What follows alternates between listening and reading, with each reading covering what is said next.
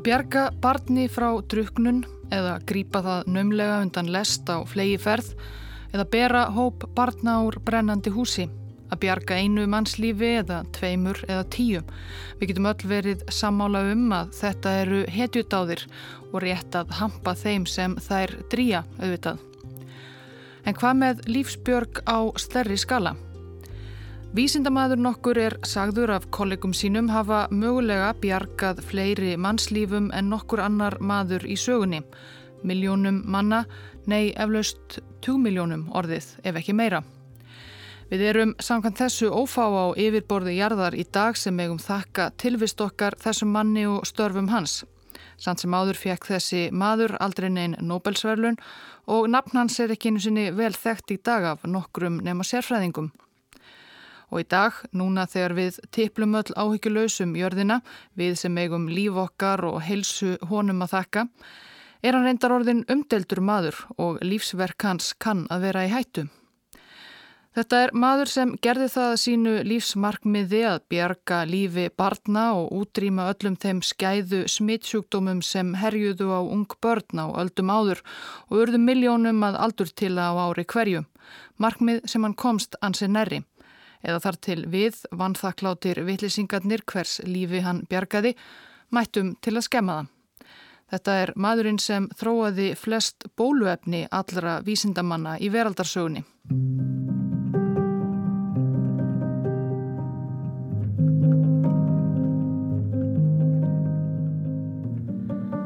Það verður að teljast undravert að maðurinn sem átti eftir að bjarga svo mörgum mannslífum hafi lifað á annað borð. Móður hans hafði henni að óvörum gengið með tvíekja tvíbura en stúlkan fættist andvana. Svo ljast móðurinn tveimur dögum síðar úr fæðingarkrömpum svo að hún var grafin með lillu dóttur sína í fanginu en drengurinn livði. Þetta var í ágústlokk 1919 á vindbarinni Hásléttu Montana í norð-vestri bandaríkjana. Drengurinn sem livði fekk nafnið Maurice Hillemann og var áttunda barn foreldra sinna, Gustaf Hillemann og Önnu Hillemann Sálurar. Foreldrarnir voru heitrúaðir mótmælendur af þýskum mættum sem áttu lítinn bondabæi ekki langt frá bökkum Yellowstone árinar sem þjóðgarðurinn frægi dregur napsitt af. Frá því að drengurinn var fjögur ára, gekk hann í flest störf á bænum, reytti arfa, týndi ber og bönir, sapnaði eggjum og gaf kjúklingunum, hænutnar voru þeirra helsta tekjulind, mókaði skít og seldi grænmeti í næsta bæ. Það var ekki um mikið annað að ræða. Kreppan mikla skall á þegar Móris Littli Hillemann var tíu ára og lífsbaráttan var ekki alltaf auðveld á sléttum Montana og það virtist sem drengnum væri varla ætlað að lifa fram á fullóninsaldur eða hvað, hann var allavega alltaf að komast í hann krabban. Átta ára var hann hætt komin úr barnaveiki, tíu ára var hann næstum druknaður við fýblagang í Yellowstone-áni. Nokkru setna var hann næstum fyrir flutningalest en alltaf bjargaðist hann nömlega á síðustu stundu. Hún var þá líklega ætlað að lifa.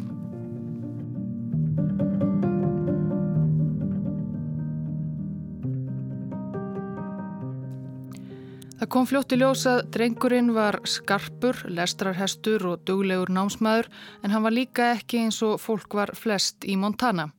Hann varð ekki trúaður þrátt fyrir stranga trú föður síns. Hann varð þessi stað heitlaður af vísindum og var eitt sinn grepin við að lesa bók Darvins af uppruna tegundana í miðri messu. Þegar Morris Hillemann komst á táningsaldur fekk hann vinnu í J.C. Penney magasínverslun í næstu borg, Miles City, við að hjálpa kúregum að velja baðsloppa á eiginkonu sínar eins og hann sjálfur komst síðar að orði. Þetta var góð staða fyrir ungan pilt í miðri heimskrepu og hefði geta tryggt honum ágæta framtíð. En hæfileikar Hillemanns lágu ekki í þjónustustörfum. Hann var ekki gætur mikill í þjónustulund og gætt verið heldur hrissingslegur við kuna og hugur hans leitaði í frekara nám.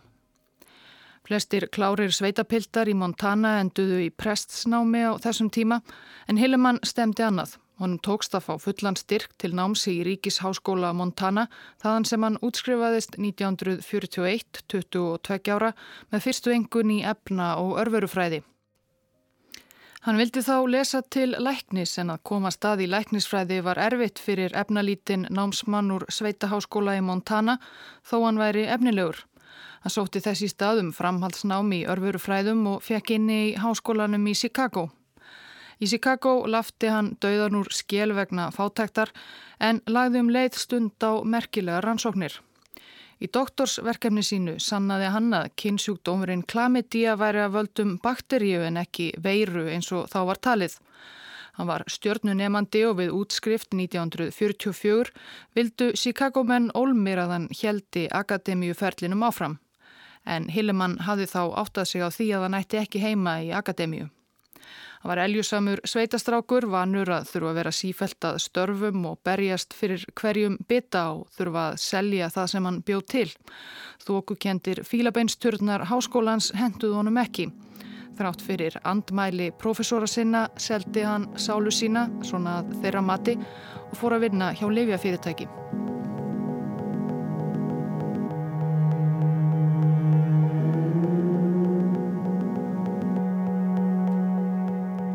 Bóluefni heitir einmitt bóluefni á íslensku vegna þess að fyrsta bóluefnið var þróað við bólusótt, einum skæðast á hryllilegasta smittsjúkdómi sem geysað hefur meðal manna á jörðinni.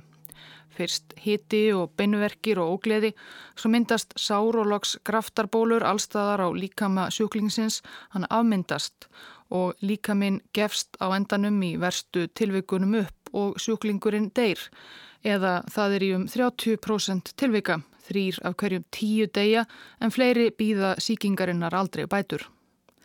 Fáir sjúkdómar hafa verið eins örlagaríkir í veraldarsögunni. Bólusóttin sem Evrópumenn fluttu með sér til nýja heimsins varð miljónum frumbyggjað bana og lagði heimsveldi Azteka og Inga. Á átjándu öld var bólusótt enn helsta dánarorsök Evrópubúa og mörg hundru þúsund fjallu á ári hverju. Það var einmitt á átjándu öld, nánar tildegið 1768 sem Edvard nokkur Jenner, 13 ára apotekara lærlingur á Englandi, rakst á mjaltastúlku sem virtist veikluleg. Hann spurði hana hvort hún væri mögulega að fá bólusótt, ekki svo ólíklegt á þessum tíma. En mjaltastúlkan hnussaði og sagði það vera ómögulegt. Hún hefði nefnilega þegar fengið kúabóluna. Kúabóla var sjúkdómur sem allir ljótum blöðrum á júrum kúa og þeir sem mjölkuðu síkt dýr fengu stundum samskonar blöðrur á hendurnar. Það var þarna og hafði lengi verið mál enskra mjaltastúlkna að þær sem gengið hefðu í gegnum þann sjúkdóm gætu síðan ekki fengið hinn að miklu, miklu verri bólusótt síðar á lífsleðinni. Þremur áratugum síðar á síðustu árum átjándu aldar þegar Jenner þessi var orðin ekki bara apotekari heldur lærður læknir, rifjaði hann upp þessi orðaskipti sín og mjaltastúlkunar og ákvaðað kanna málið almennilega. Hann skrapaði gröft úr kúabólu blöðrum á höndum mjaltastúlkunar Söru Nelms sem hafði síkst af kvígunni Blossom. Svo skar hann sári í handleggi átta ára sonar gardirkjumannsins síns, James Phipps, og makaði greftrinum í opið sárið. Nokkrum dögum síðar fekk drengurinn hýta og varð hansi slappur en hann varð ekki alvarlega veikur. Og nokkrum dögum eftir það síkti Jenner drengin vísvitandi af bólusótt en hann veiktist ekki meira. Ekki í fyrsta sinn og ekki í tuttugasta sinn sem bólusóttar blóði var klínt í hann. Hann var orðin ónæmur eins og mjöltastúlkunnar. Aðrir höfður reyndar gert svipaðar tilraunir á undan tjenner með ágætum árangri og kínverjar og indverjar til fortnætning þekkt til þess að hægt verið að mynda ónæmi við sjúkdómum á svipaðan hátt. En Jenner var svo fyrsti sem byrti niðurstöður sínar og er því í dag álitin faðir bólusetninga. Hann vissi ekki alminnilega af hverju bólusetningin virkaði Það uppgötuðu eftirmenn hans síðar og aðferðir hans höfðu ímsa alvarlega vankanta eins og verður komið að á eftir. En þetta var risastort stökk framávið og var þá endanum til þess að bólusótt, þessi hryllingur, var upprætt á heimsvísu þó það tæki tíma. Síðasta tilfellið sem vitaður um var 1978. Reyndar eru til síni af bólusóttarveirunni á tveimur rannsóknarstofum en einni í Bandaríkunum og annari í Rúslandi sem er óttast að hún verði notuð í lífræði hernað í einhverji framtíðar styrjöld Einhverjir óttast það reyndar enn meira en kjarnorkuvopnin sem bæði þessi gömlu stórveldi búa yfir.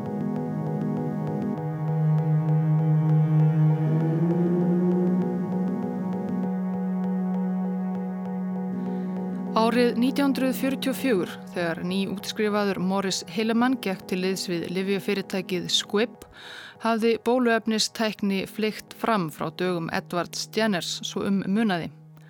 Það var ekki lengur bara að maka síktu blóði í opin sár heldur að gaggert rækta og veikja hættulegar veirur eða veikla eins og það heitir á læknamáli til þess að geta síðan spröytað þeim aftur í menn án þess að þær yrðu að sömu hættulugu sjúkdómunum en yllu samt sama ónæmi. Eitt af fyrstu stóru verkefnum Hillemanns hjá Squibb var einmitt að þróa bóluefni við svo kallari japanskri heilabólgu sem leik bandariska hermenn í Asíu grátt á stríðsárunum. Hillemann tók verkefnið föstum tökum en bóluefnistróun var þó enn ákveðin spunni. Hann og samstagsmenn hans enduðu með því að rækta og veikla heilabólgu veirurnar í músaheila möki sem þeir blönduðu saman í venjulegum eldhús koktelblandara. Það voru frekar ógeðslegar aðfarir þegar músaheila vögvin fór að spítast út úr blandaranum á fullri ferði í allar áttir en það gekk á endanum og bóluefnið virkaði vel. Hillemann var komin á kortið sem bóluefnasmiður. Is Walter Reed Army Medical Center in Washington D.C. And that's our story today. Árið 1948 gekk Morris Hillemann til liðs við Walter Reed stopnun bandaríska hersins í læknis og lífræðiransóknum. Hann, ekki orðin þrítugur, var þar yfirmaður rannsókna á öndunarfæra sjúkdómum. Undir hann heyrði til dæmis influensa. Heims faraldurinn sem kallaður er Spænska veikin 1918 og 19 og hafi geisað ymitt þegar Hillemann fættist, hafi leikið bandaríska hermenn í fyrri heimstyrjöld grátt eins og svo marga fleiri. Hernum var því mikið í mun að þróa bóluefni við influensu svo að þetta er þeir aldrei endurtekið. En tilraunir til þess höfðu gengið brösulega. Bóluefnin virkuðu aldrei lengur en einn vetur, svo virtist ónæmið í þeim bólusettu hverfa og flensan gerði nýja allugu. Það var Morris Hillemann sem loks kortlagði þær síföldu breytingar sem reglulega verða á influensuveirunni og eru okkur í dag vel kunnar, sem gera það verkum að ónæmiskerfi okkar geta ekki vanist veirunni eins og svo mörgum öðrum sjúkdómum. Yfirleitt eru þetta vægar breytingar eins og hvernig flensan breytist lítilega frá vetri til veturs en stundum eins og Hillemann kom stað verða þó svo stórar stökkbreytingar að ónæmiskerfi okkar eru engan vegin undir þær búin og þannig er það sem okkar saklösa flensa verður af og til að lífshættulegum heimsfaraldri.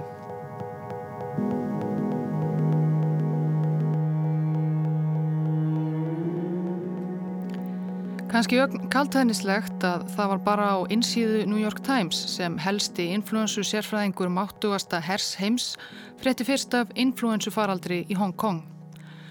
Og engum smá faraldri, samkvæmt greininni sem sérfræðingurinn Morris Hillemann las með morgunkaffinu 17. april 1957. Þá hafði flensan þegar krækt í 250.000 manns, 10% af íbúafjölda Hong Kong og bandarísk yfirvöld ekki heyrt neitt af málinu þar til nú. Morris Heilemann laði frá sér dagbladið og hafði umsögulust samband við bandaríska herin í Japan. Jú, þar á bæ reyndist emitt veikur sjóliði sem hafði veikst eftir ferð til Hong Kong. Sjóliðin var látin spýta í botla og munvatnið sendt til Heilemann á Walter Reed. Á og til koma upp sérstaklega skæðarflensur sem síkja marga en flokkast þó ekki sem það sem er á ennsku kallað pandemic eða heimsfaraldur eins og spænska veikin sannarlega var. Dæmi um slíkt er fugglaflensan sem var í heimsfréttunum hér fyrir nokkrum árum en taldist aldrei heimsfaraldur. En Hillemann ótaðist að það sem hrjáði Hong Kong búa væri einmitt það, heimsfaraldur og hann var í raun handvissum það. Hillemann spröytaði munvatni sjóliðans í fósturhimnu úr hænueggi þar sem flensuvírusinn dapnaði vel. Hann var hættur að notast við saman hrærða músaheila úr koktelblandara, egg voru betri. Hann bar svo veiruna saman við blóðvatt síni úr hundruðum bandarískra hermana sem hann hafði aðgangað hjá Walter Reed. Ekki einn einasti hermaður var með mótefni gegn veirunni. Hann leitaði víðar í síni úr óbreyttum bandarískum borgurum, en hvergi neyn mótefni. Veiran virtist ekki hafa orðið á vegi nokkurs bandaríkjamanns áður. Að lokum fann hann aðeins örfáa sem höfðu einhver mótefni gegn Asjúflensunni Það voru nokkrir aldraðir bandarækjamenn og hollendingar sem höfðu lifað af skæðan flensu heimsfaraldur 1889 til 90. Þá höfðu 6 miljónir látið lífið um heimallan og þetta virtist vera af sama meiði og hafði þá leið í dvala í næri 7 áratvíi. Hillemann var strax anfærður um að veiran geti unnið sama skada aftur en fáir í bandaríska helbriðiskerfinu virtust trú á honum kollegar skelltu við skolleirum. Þetta hlítið að vera bara venjuleg flensa þó hún væri nokkuð skæð. A flu epidemic that is sweeping the Orient hits Japan. Schools are practically empty in Tokyo, while the chief victims are children. More than 130,000 cases are reported in the space of a few days. Á meðan breytist flensan út frá Hong Kong til Tævan, Malasíu, Filipsæja, Indlands, Vietnams og Japan. Engin venjuleg flensa, sér í lægi börn og gamalmenni, letu lífið í hrönnum. Hillemann vildi þróa bóluefni með hraði til að koma í veg fyrir álíka stórslis í bandaríkunum. Hann þekkti orðið vel til bóluefna þróunar og vissi að það væri mögulegt en hvorki hérni heilbriðis yfirvöld hlustuði. Atkvæða mikill í málinu var Thomas nokkur Francis sem fór fyrir influensu nefnd bandaríska herbáknsins. Hillemann sendi honum síni úr rannsóknum sínum en Francis ansaði ekki. Loks misti Hillemann þólinnmaðina en það voru mannslíf í húfi og engin nokkuð tíman að ég held lísti Morris Hillemann sem sérlega átakafælnum eða þægilegu manni. Hann vissi að Francis þessi borðaði gjarnan kvöldverða á tilteknum fínum klúpi í Washingtonborg Kvöld eitt satan því fyrir Francis í andir í klúpsins og tróð plaggi með rannsóknarniðustöðum hans framann í hann. Francis saðan við höfum engan tíma að missa. Og þegar Francis leitloks yfir gögnin var hann samsinnis og kvöldverðinun á klúpnum ónýtur. Það var heims flensu faraldur í uppsiglingum. This epidemic has spread to many countries, causing concern to health services throughout the world.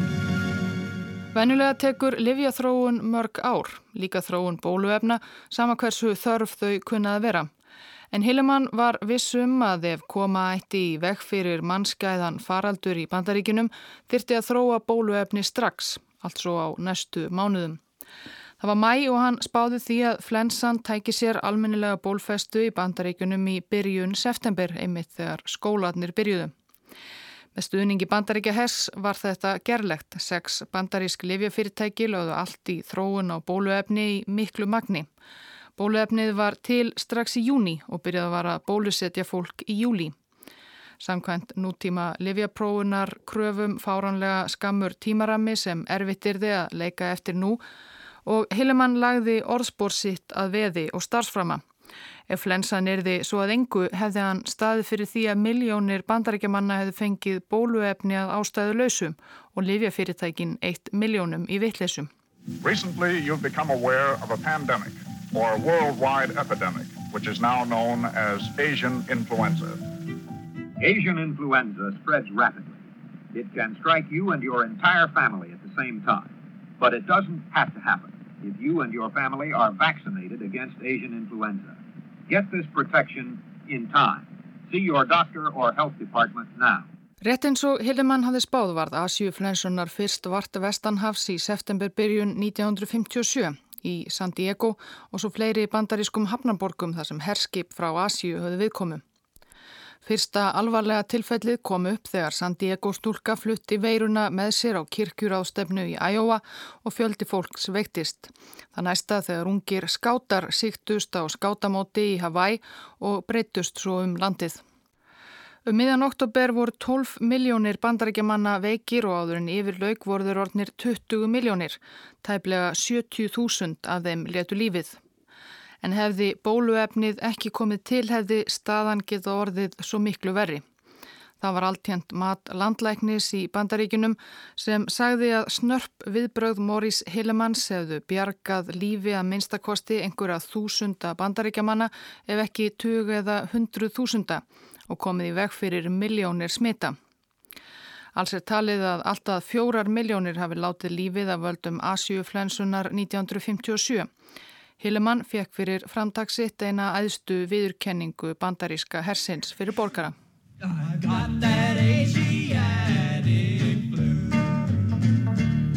Well,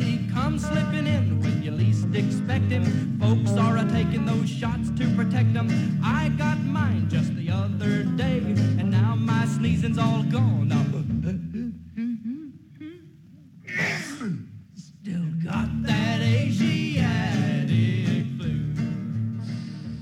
Um eitt eftir miðnetti, aðfaranótt 23. mars 1963, Vaknaði Gerald Lynn Hillemann fimm ára því henni var illt í hálsinum. Gati ekki sopnað og lættist inn í herbergi til pappasins og kvísleði til hans. Fadur hennar, Morris Hillemann, var þó orðin yfirmaður veiruransókna hjá Risa Levia fyrirtækinu Merck í Pennsylvania. Hann hafði sagt skilið við Walter Reed og bandaríkja herr skömmu eftir flensufaraldurinn 57. Hann var líka einstæður fadir Gerald Lynn Kona hans Telma sem hann kynntist í mentaskóla í Montana lést eftir skamma baráttu við brjóstakrabbamein í áslokk 1962. En þessa marsnótt hrökk Hillemann upp og þuklaði á andliti og hálsi dóttur sinnar. Hún var stokk bólgin við kjálkana. Hann var ekki læknir en þetta var greinilega hettusótt.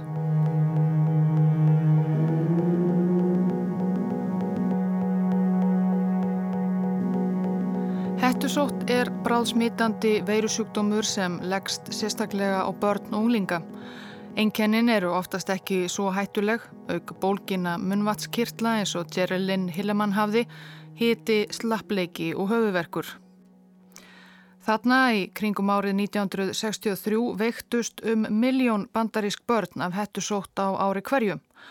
Oftar en ekki gekk sjúkdómurinn yfir á einhverjum tíma en hettusótt, vissi Morris Hillemann, gáttu þó í einhverjum tilvikum fyllt ímsir graf alvarlegir fylgikvillar, allt frá varanlegri ófrjósemi til lífshættulegurar heilahimnubólgu. Hann vildi síður að dóttir sín fengi að reyna það og hvað þá önnur börn.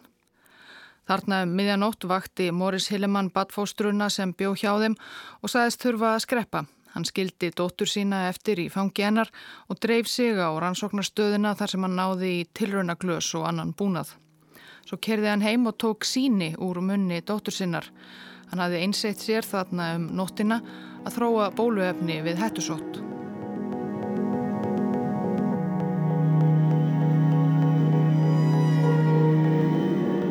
Morgunin eftir hófst Hillemann Handa kom veirunni úr munvatni dóttur sinnar fyrir í fósturhimnu Hænuegs, algeng aðferð við bóluefnisrannsóknir sem notuður enn í dag.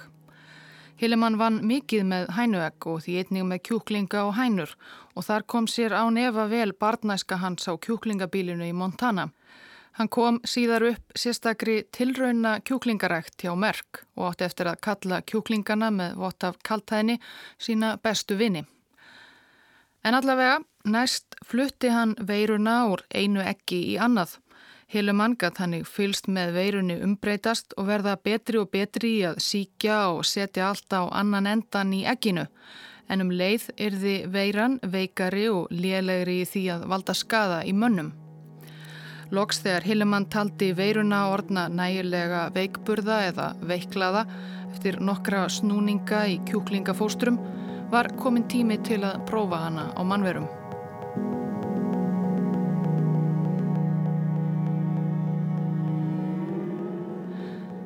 Og það gerði Hillemann á hátt sem nú á dögum þætti síðlaus en var sorglega algengur þá árið 1963 og hafi verið um langa hríð. Þá týðkaðist það nefnilega að prófa ný bóluefni og önnur liv á geð og líkamlega fölluðum börnum á þartilgerðum heimilum. Þetta gerðu þá allir og án nokkura andmæla frá yfirvöldum. Um áratug fyrr hafi bandaríski læknirinn Jonas Salk prófað byltingarkent bóluefni sitt við lömunarveiki á nefendum við skóla fyrir þroskaskert börn í Pittsburgh og ótal fleiri dæmi voru að finna í sögu bóluefna á 20. stöld. Þau vísindi voru þá komin langt frá því þegar Edvard Jenner spröytaði greftri úr mjaltastúlku í handleg drengs en bóluefni, sér í lagi á tilurnastígi, voru þó alls ekki alltaf hættulös. Hvað ef ekki hefði tekist að veikla veiruna nægilega og hvað ef aðrar veirur slættust með í efninu? Þó við hryllum okkur vonandi flest í dag við tilraunum á grunnlausum þroskaskertum börnum var ástæðan þó ekki síst að á slíkum heimilum voru gerðnan gróðrarstýjur smittsjúkdóma og því var hægt að sjá auðveldlega og fljótt hvort að bóluefnin virkuðu. Og vísindamennir hafðu yfirleitt mikla trú á efnum sínum. Skömmu eftir að Jonas Salk spröytaði þroskaskertu börnin í Pittsburgh með lömunarveiki bóluefni gaf hann efnið sínum eigin börnum. Og það gerði Morris Hillemann líka. 1965 var bóluefni hans gegn hettusótt prófað á nokkrum heimilum fyrir þróskaskert börn í Pennsylvania og virtist virka vel. Börnin veiktust ekki og síndu engin hliðarenginni. Svo að árið eftir letan spröyta yngri dóttur sína Kirsten með efninu kannski eina sinn í sögunni sem barn hefur fengið bóluefni unnið úr þeirra eigin sískinni. The virus strain used in the vaccine is called the Gerald Lynn strain after Dr. Hillemann's daughter from whom the original mumps virus was isolated to produce the final vaccine. Og Kirsten sakaði ekki. Hettusóttar bóluefni Hillemanns er enn notað í dagum heimallan og hefur það orðið til þess að hettusótt þekkist varla lengur í fjölmörgum löndum. Efnið er enn nefnt eftir dóttur Hillemanns sem sá föður sínum fyrir veirunni til verksins, Gerald Lynn. Hún náði sér fljótt af hettusóttinni annars en eins og einn bladamæður skrifaði þá náði hettusóttin sér aldrei eftir kynnin við Gerald Lynn.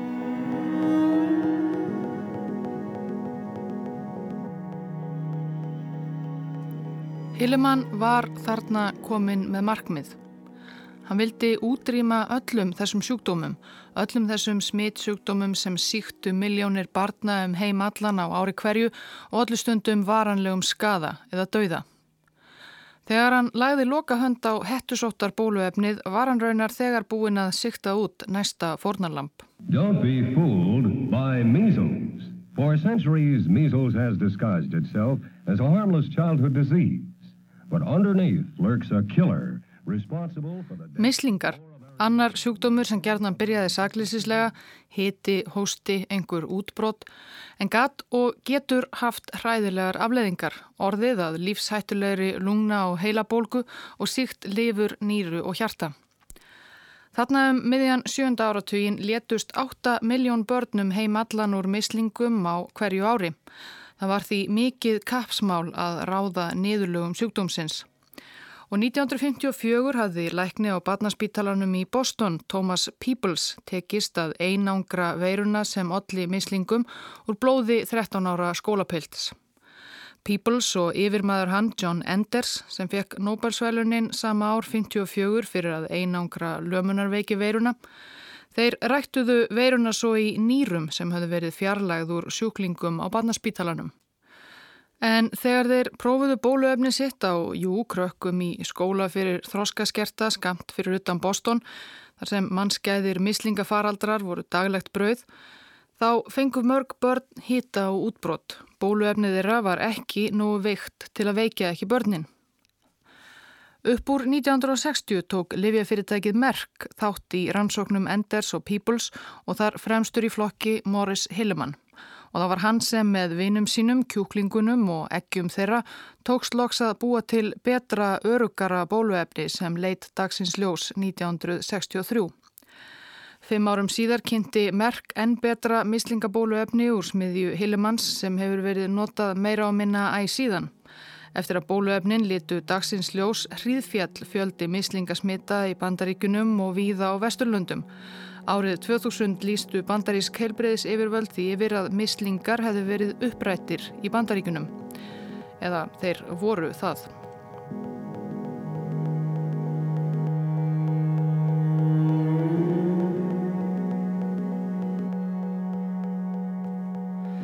Svo við gerum nú langasögu stutta.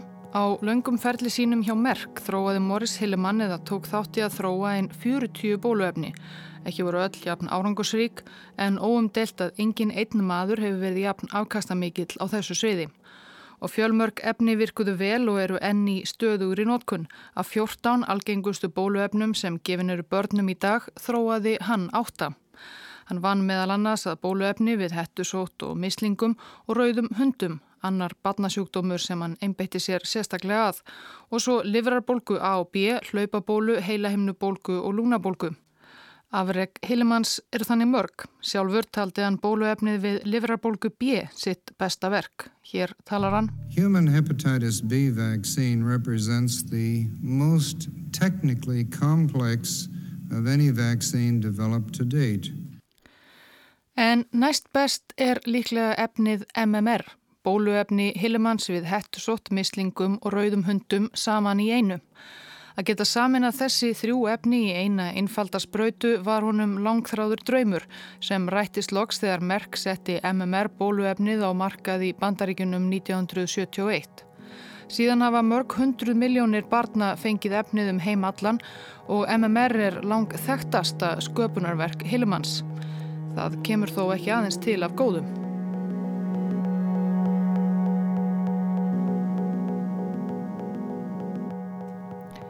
Eiginlega eins lengi og bóluefni hafa verið til hafa einhverjir verið á mótið þeim því er fjarrri að andstaða við bólusetningar sé nýja af nálinni. Á 19. öld var byrjað að bólusetja börn gegn bólusótt með bóluefni Jenners í stórum stíl í Breitlandi. Það hafði mikið að segja í baráttunni við þennan hryllilega sjúkdóm en mætti sumleði strax talsverðri andstöðu meðal borgara. Það kann að vera skiljanlegt. Bóluefni Jenners var langt frá því eins örugt og bóluefnin sem við fáum í dag. Það var nær örugt að sá sem það fekk veiktist eftir á, ekki eins heiftarlega og við alvöru bólusóttar smitt en eitthvað og stundum gata verið alvarlegt. Þá var hreinleitinu mjög ábúta vant á þessum tíma. Læknar notuðu sömu nývana aftur og aftur og því sorglega algengt að bólusetningum fylgdi drep eða önnur smitt eins og sífilis og hver fjandin annar. Því voru margir foreldrar smekir við að bólusetja börnin sín. 1853 settu breytar lög sem skilduðu bólusetningar barna. Það varð ekki til að kæta andstæðinga bólusetninga. Í kjölfarið voru stopnuð samtök gegn bólusetningum og gefin út fjölmörg tímaritt og bæklingar. Ákveðnar borgir og bæir eruðu sérstök átaka svæði til að mynda Lester í Englandi miðju. Þar voru tíðir fjöldafundir gegn bólusetningum. Dag 1885 gengum 100.000 borgarbúar gegn bólusetningum og báru skildi og litlar barnalíkistur. Fjöldin fyldi ungri móður og tveimur körlum sem hafðu heitið í að gefa sig fram við lauruglu og láta fangelsa sig frekarinn að bólusetja börn sín. Mikill mannfjöldi fyldi þreminningunum og fagnaði af miklum krafti þegar þau voru lett inn í fangaklefana. Svipað var uppi á teiningunum í bandaríkunum. Thomas Jefferson fórseti hafi tekið bóluöfni Jenners opnum örmum strax um aldamótin 1800 og í byrjun 19. aldarinnar höfðu nokkur ríki bandaríkjana skildað bólusetningar. Það mætti umsjöfulegst andstöðu og margir bandaríkja menn sem töldu þetta brot á fríðhelgi og frelsi einstaklingsins. Það er áhugavert þegar litið er yfir sögu andstæðinga bólusetninga undan farin 220 ára eða svo að oftar en ekki eru andmælendur úr svipuðum þjóðfélagshópum. Jæmt í dag sem á 19. öld er þetta stórum hluta ágætlega stætt miðstjættarfólk í borgum sem fer að efast um viðtekinn sannleika læknavísindana. Þannig er því farið í flestum vesturlöndum nú og það mátti, bara sem eitt dæmi, sjá 1874 þegar bólusóttar faraldur geisaði í Svíþjóð og langt um fleiri Stokkólmsbúar letu lífið en aðrir svíjar því þar í fínu borgarasamfélaginu hafi andstaða við bóluefni verið móðins um hríð og borgarbúar trásað að láta bólusetja börn sín.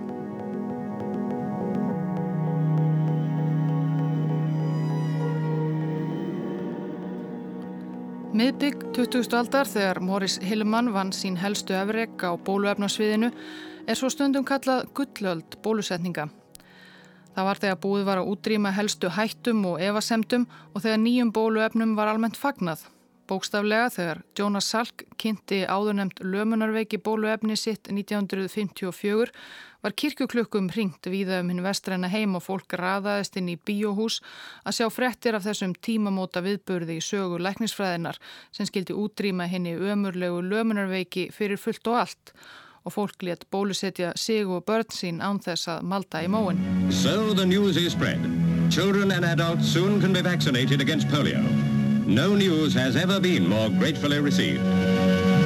En gullaldarskeiðið varði ekki svo lengi. Rætur nútíma bólusetninga anstöðum á rekja til sjönda áratögarins þegar tortrygni í garð lækna, heilbriðis kervisins og vestrætnar læknisfræði var hluti af ákveðnum tíðaranda og bóluefni fylgdu með í því.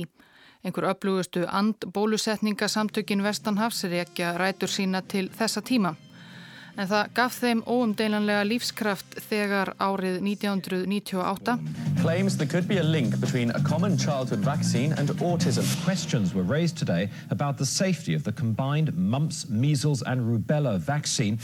Virtasta læknari Thames, hið breska Lancet, byrti 1998 grein sem benti til þess að tengsl væri millið þess að börn sem fengju MMR bóluefnið við hettusótt, mislingum og rauðum hundum þróið með sér meldingarsjúkdóma og autism. MMR bóluefnið sem var tjásnið í krúnu Morris Hillemans og óteljandi börn höfðu fengið frá því 1971.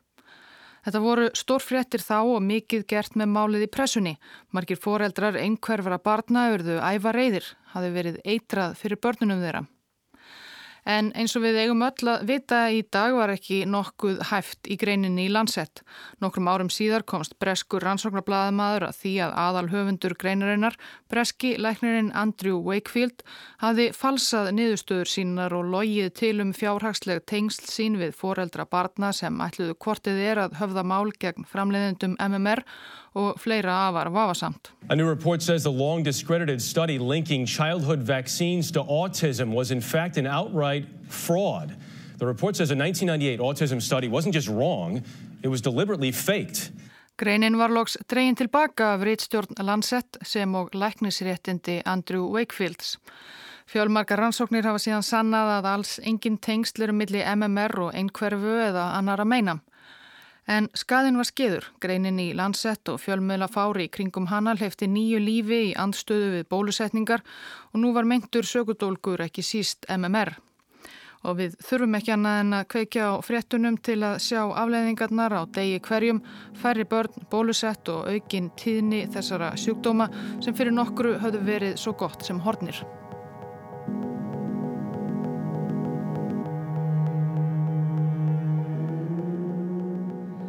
Morris Hillemann hefði átt að fara á eftirlaun hjá Livjafyrirtækinu Merck 65 ára 1984 en hann tók það ekki mál og helt áfram að mæta í vinnuna í 20 ár til viðbútar alltaf jafn hrissingslegur og hann hafi verið í upphafi ferilsins og jafn ákveðin og eljusamur. Hillemann saði sjálfur að besta lýsingin á sjálfum sér sem hann hefði heyrt væri að hann virtist vera drullusokkur á yfirborðinu en ef maður kafaði dýbra væri hann enn drullusokkur. Samstars og undirmenn hans voru honum enguða síður tryggir og myndust hans ættíð með hlýhug. Síðustu æfi árin upp úr aldamótum 2000 var hann með krabamein. Þá hefði maður kannski gert sér í hugarlunda þessi maður sem fjölmarkir kollegar voru til í að vitna um að hefði þá þegar bjargað fleiri mannslífum en flestir aðrir vísindamenn sögunar hefði átt að fá ferð til Stokkólms þessa gamla víis andbólusetningar hyggju og Nobels medalju í Vasan. Það fekk hann ekki.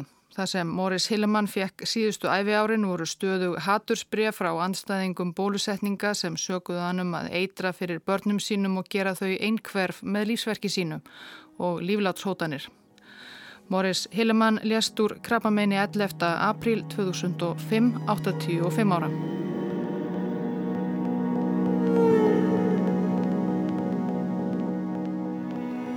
Eftir að Hillemann setti fram spátóma sína um asísku flensuna 1957 gerði hann frekar í rannsóknir á eðli, influensu veira og faraldra. Hann komst að þeirri niðurstöðu að þó að stökkbreytingar á influensu veirum virðist óutreiknanlegar verði heimsfaraldrar í hverja af þremur helstu fjölskyldum influensu veirana meðum það byl 68 ára millibili. Sannkvæmt kenningu hans megum við búast við næsta heimsfaraldri influensu árið 2025. Þá verður það Asiuflensan sem hann sjálfur rannsakaði. 2036 kemur önnur asísk flensa aftur, Hong Kong flensan sem drap miljón manns 1968. Spænska veikin alræmda hefur þegar haft tíma til endurkomu, það gerði hún 1977 í Rúslandi. Kanski lætur hún svo aftur á sér kræla 2054. Morris Hillemann hétt því viðtölum síðustu æfi árin að hann myndi gæta þess að handan hvort að kenningar hans rættust ekki öruglega. Líklega er þó mikilvægara fyrir okkur sem enn löfum hérna megin að gæta þess að við glutrum ekki niður æfistarfi Morris Hillemanns og köllum aftur yfir okkur farsóttir fortíðar.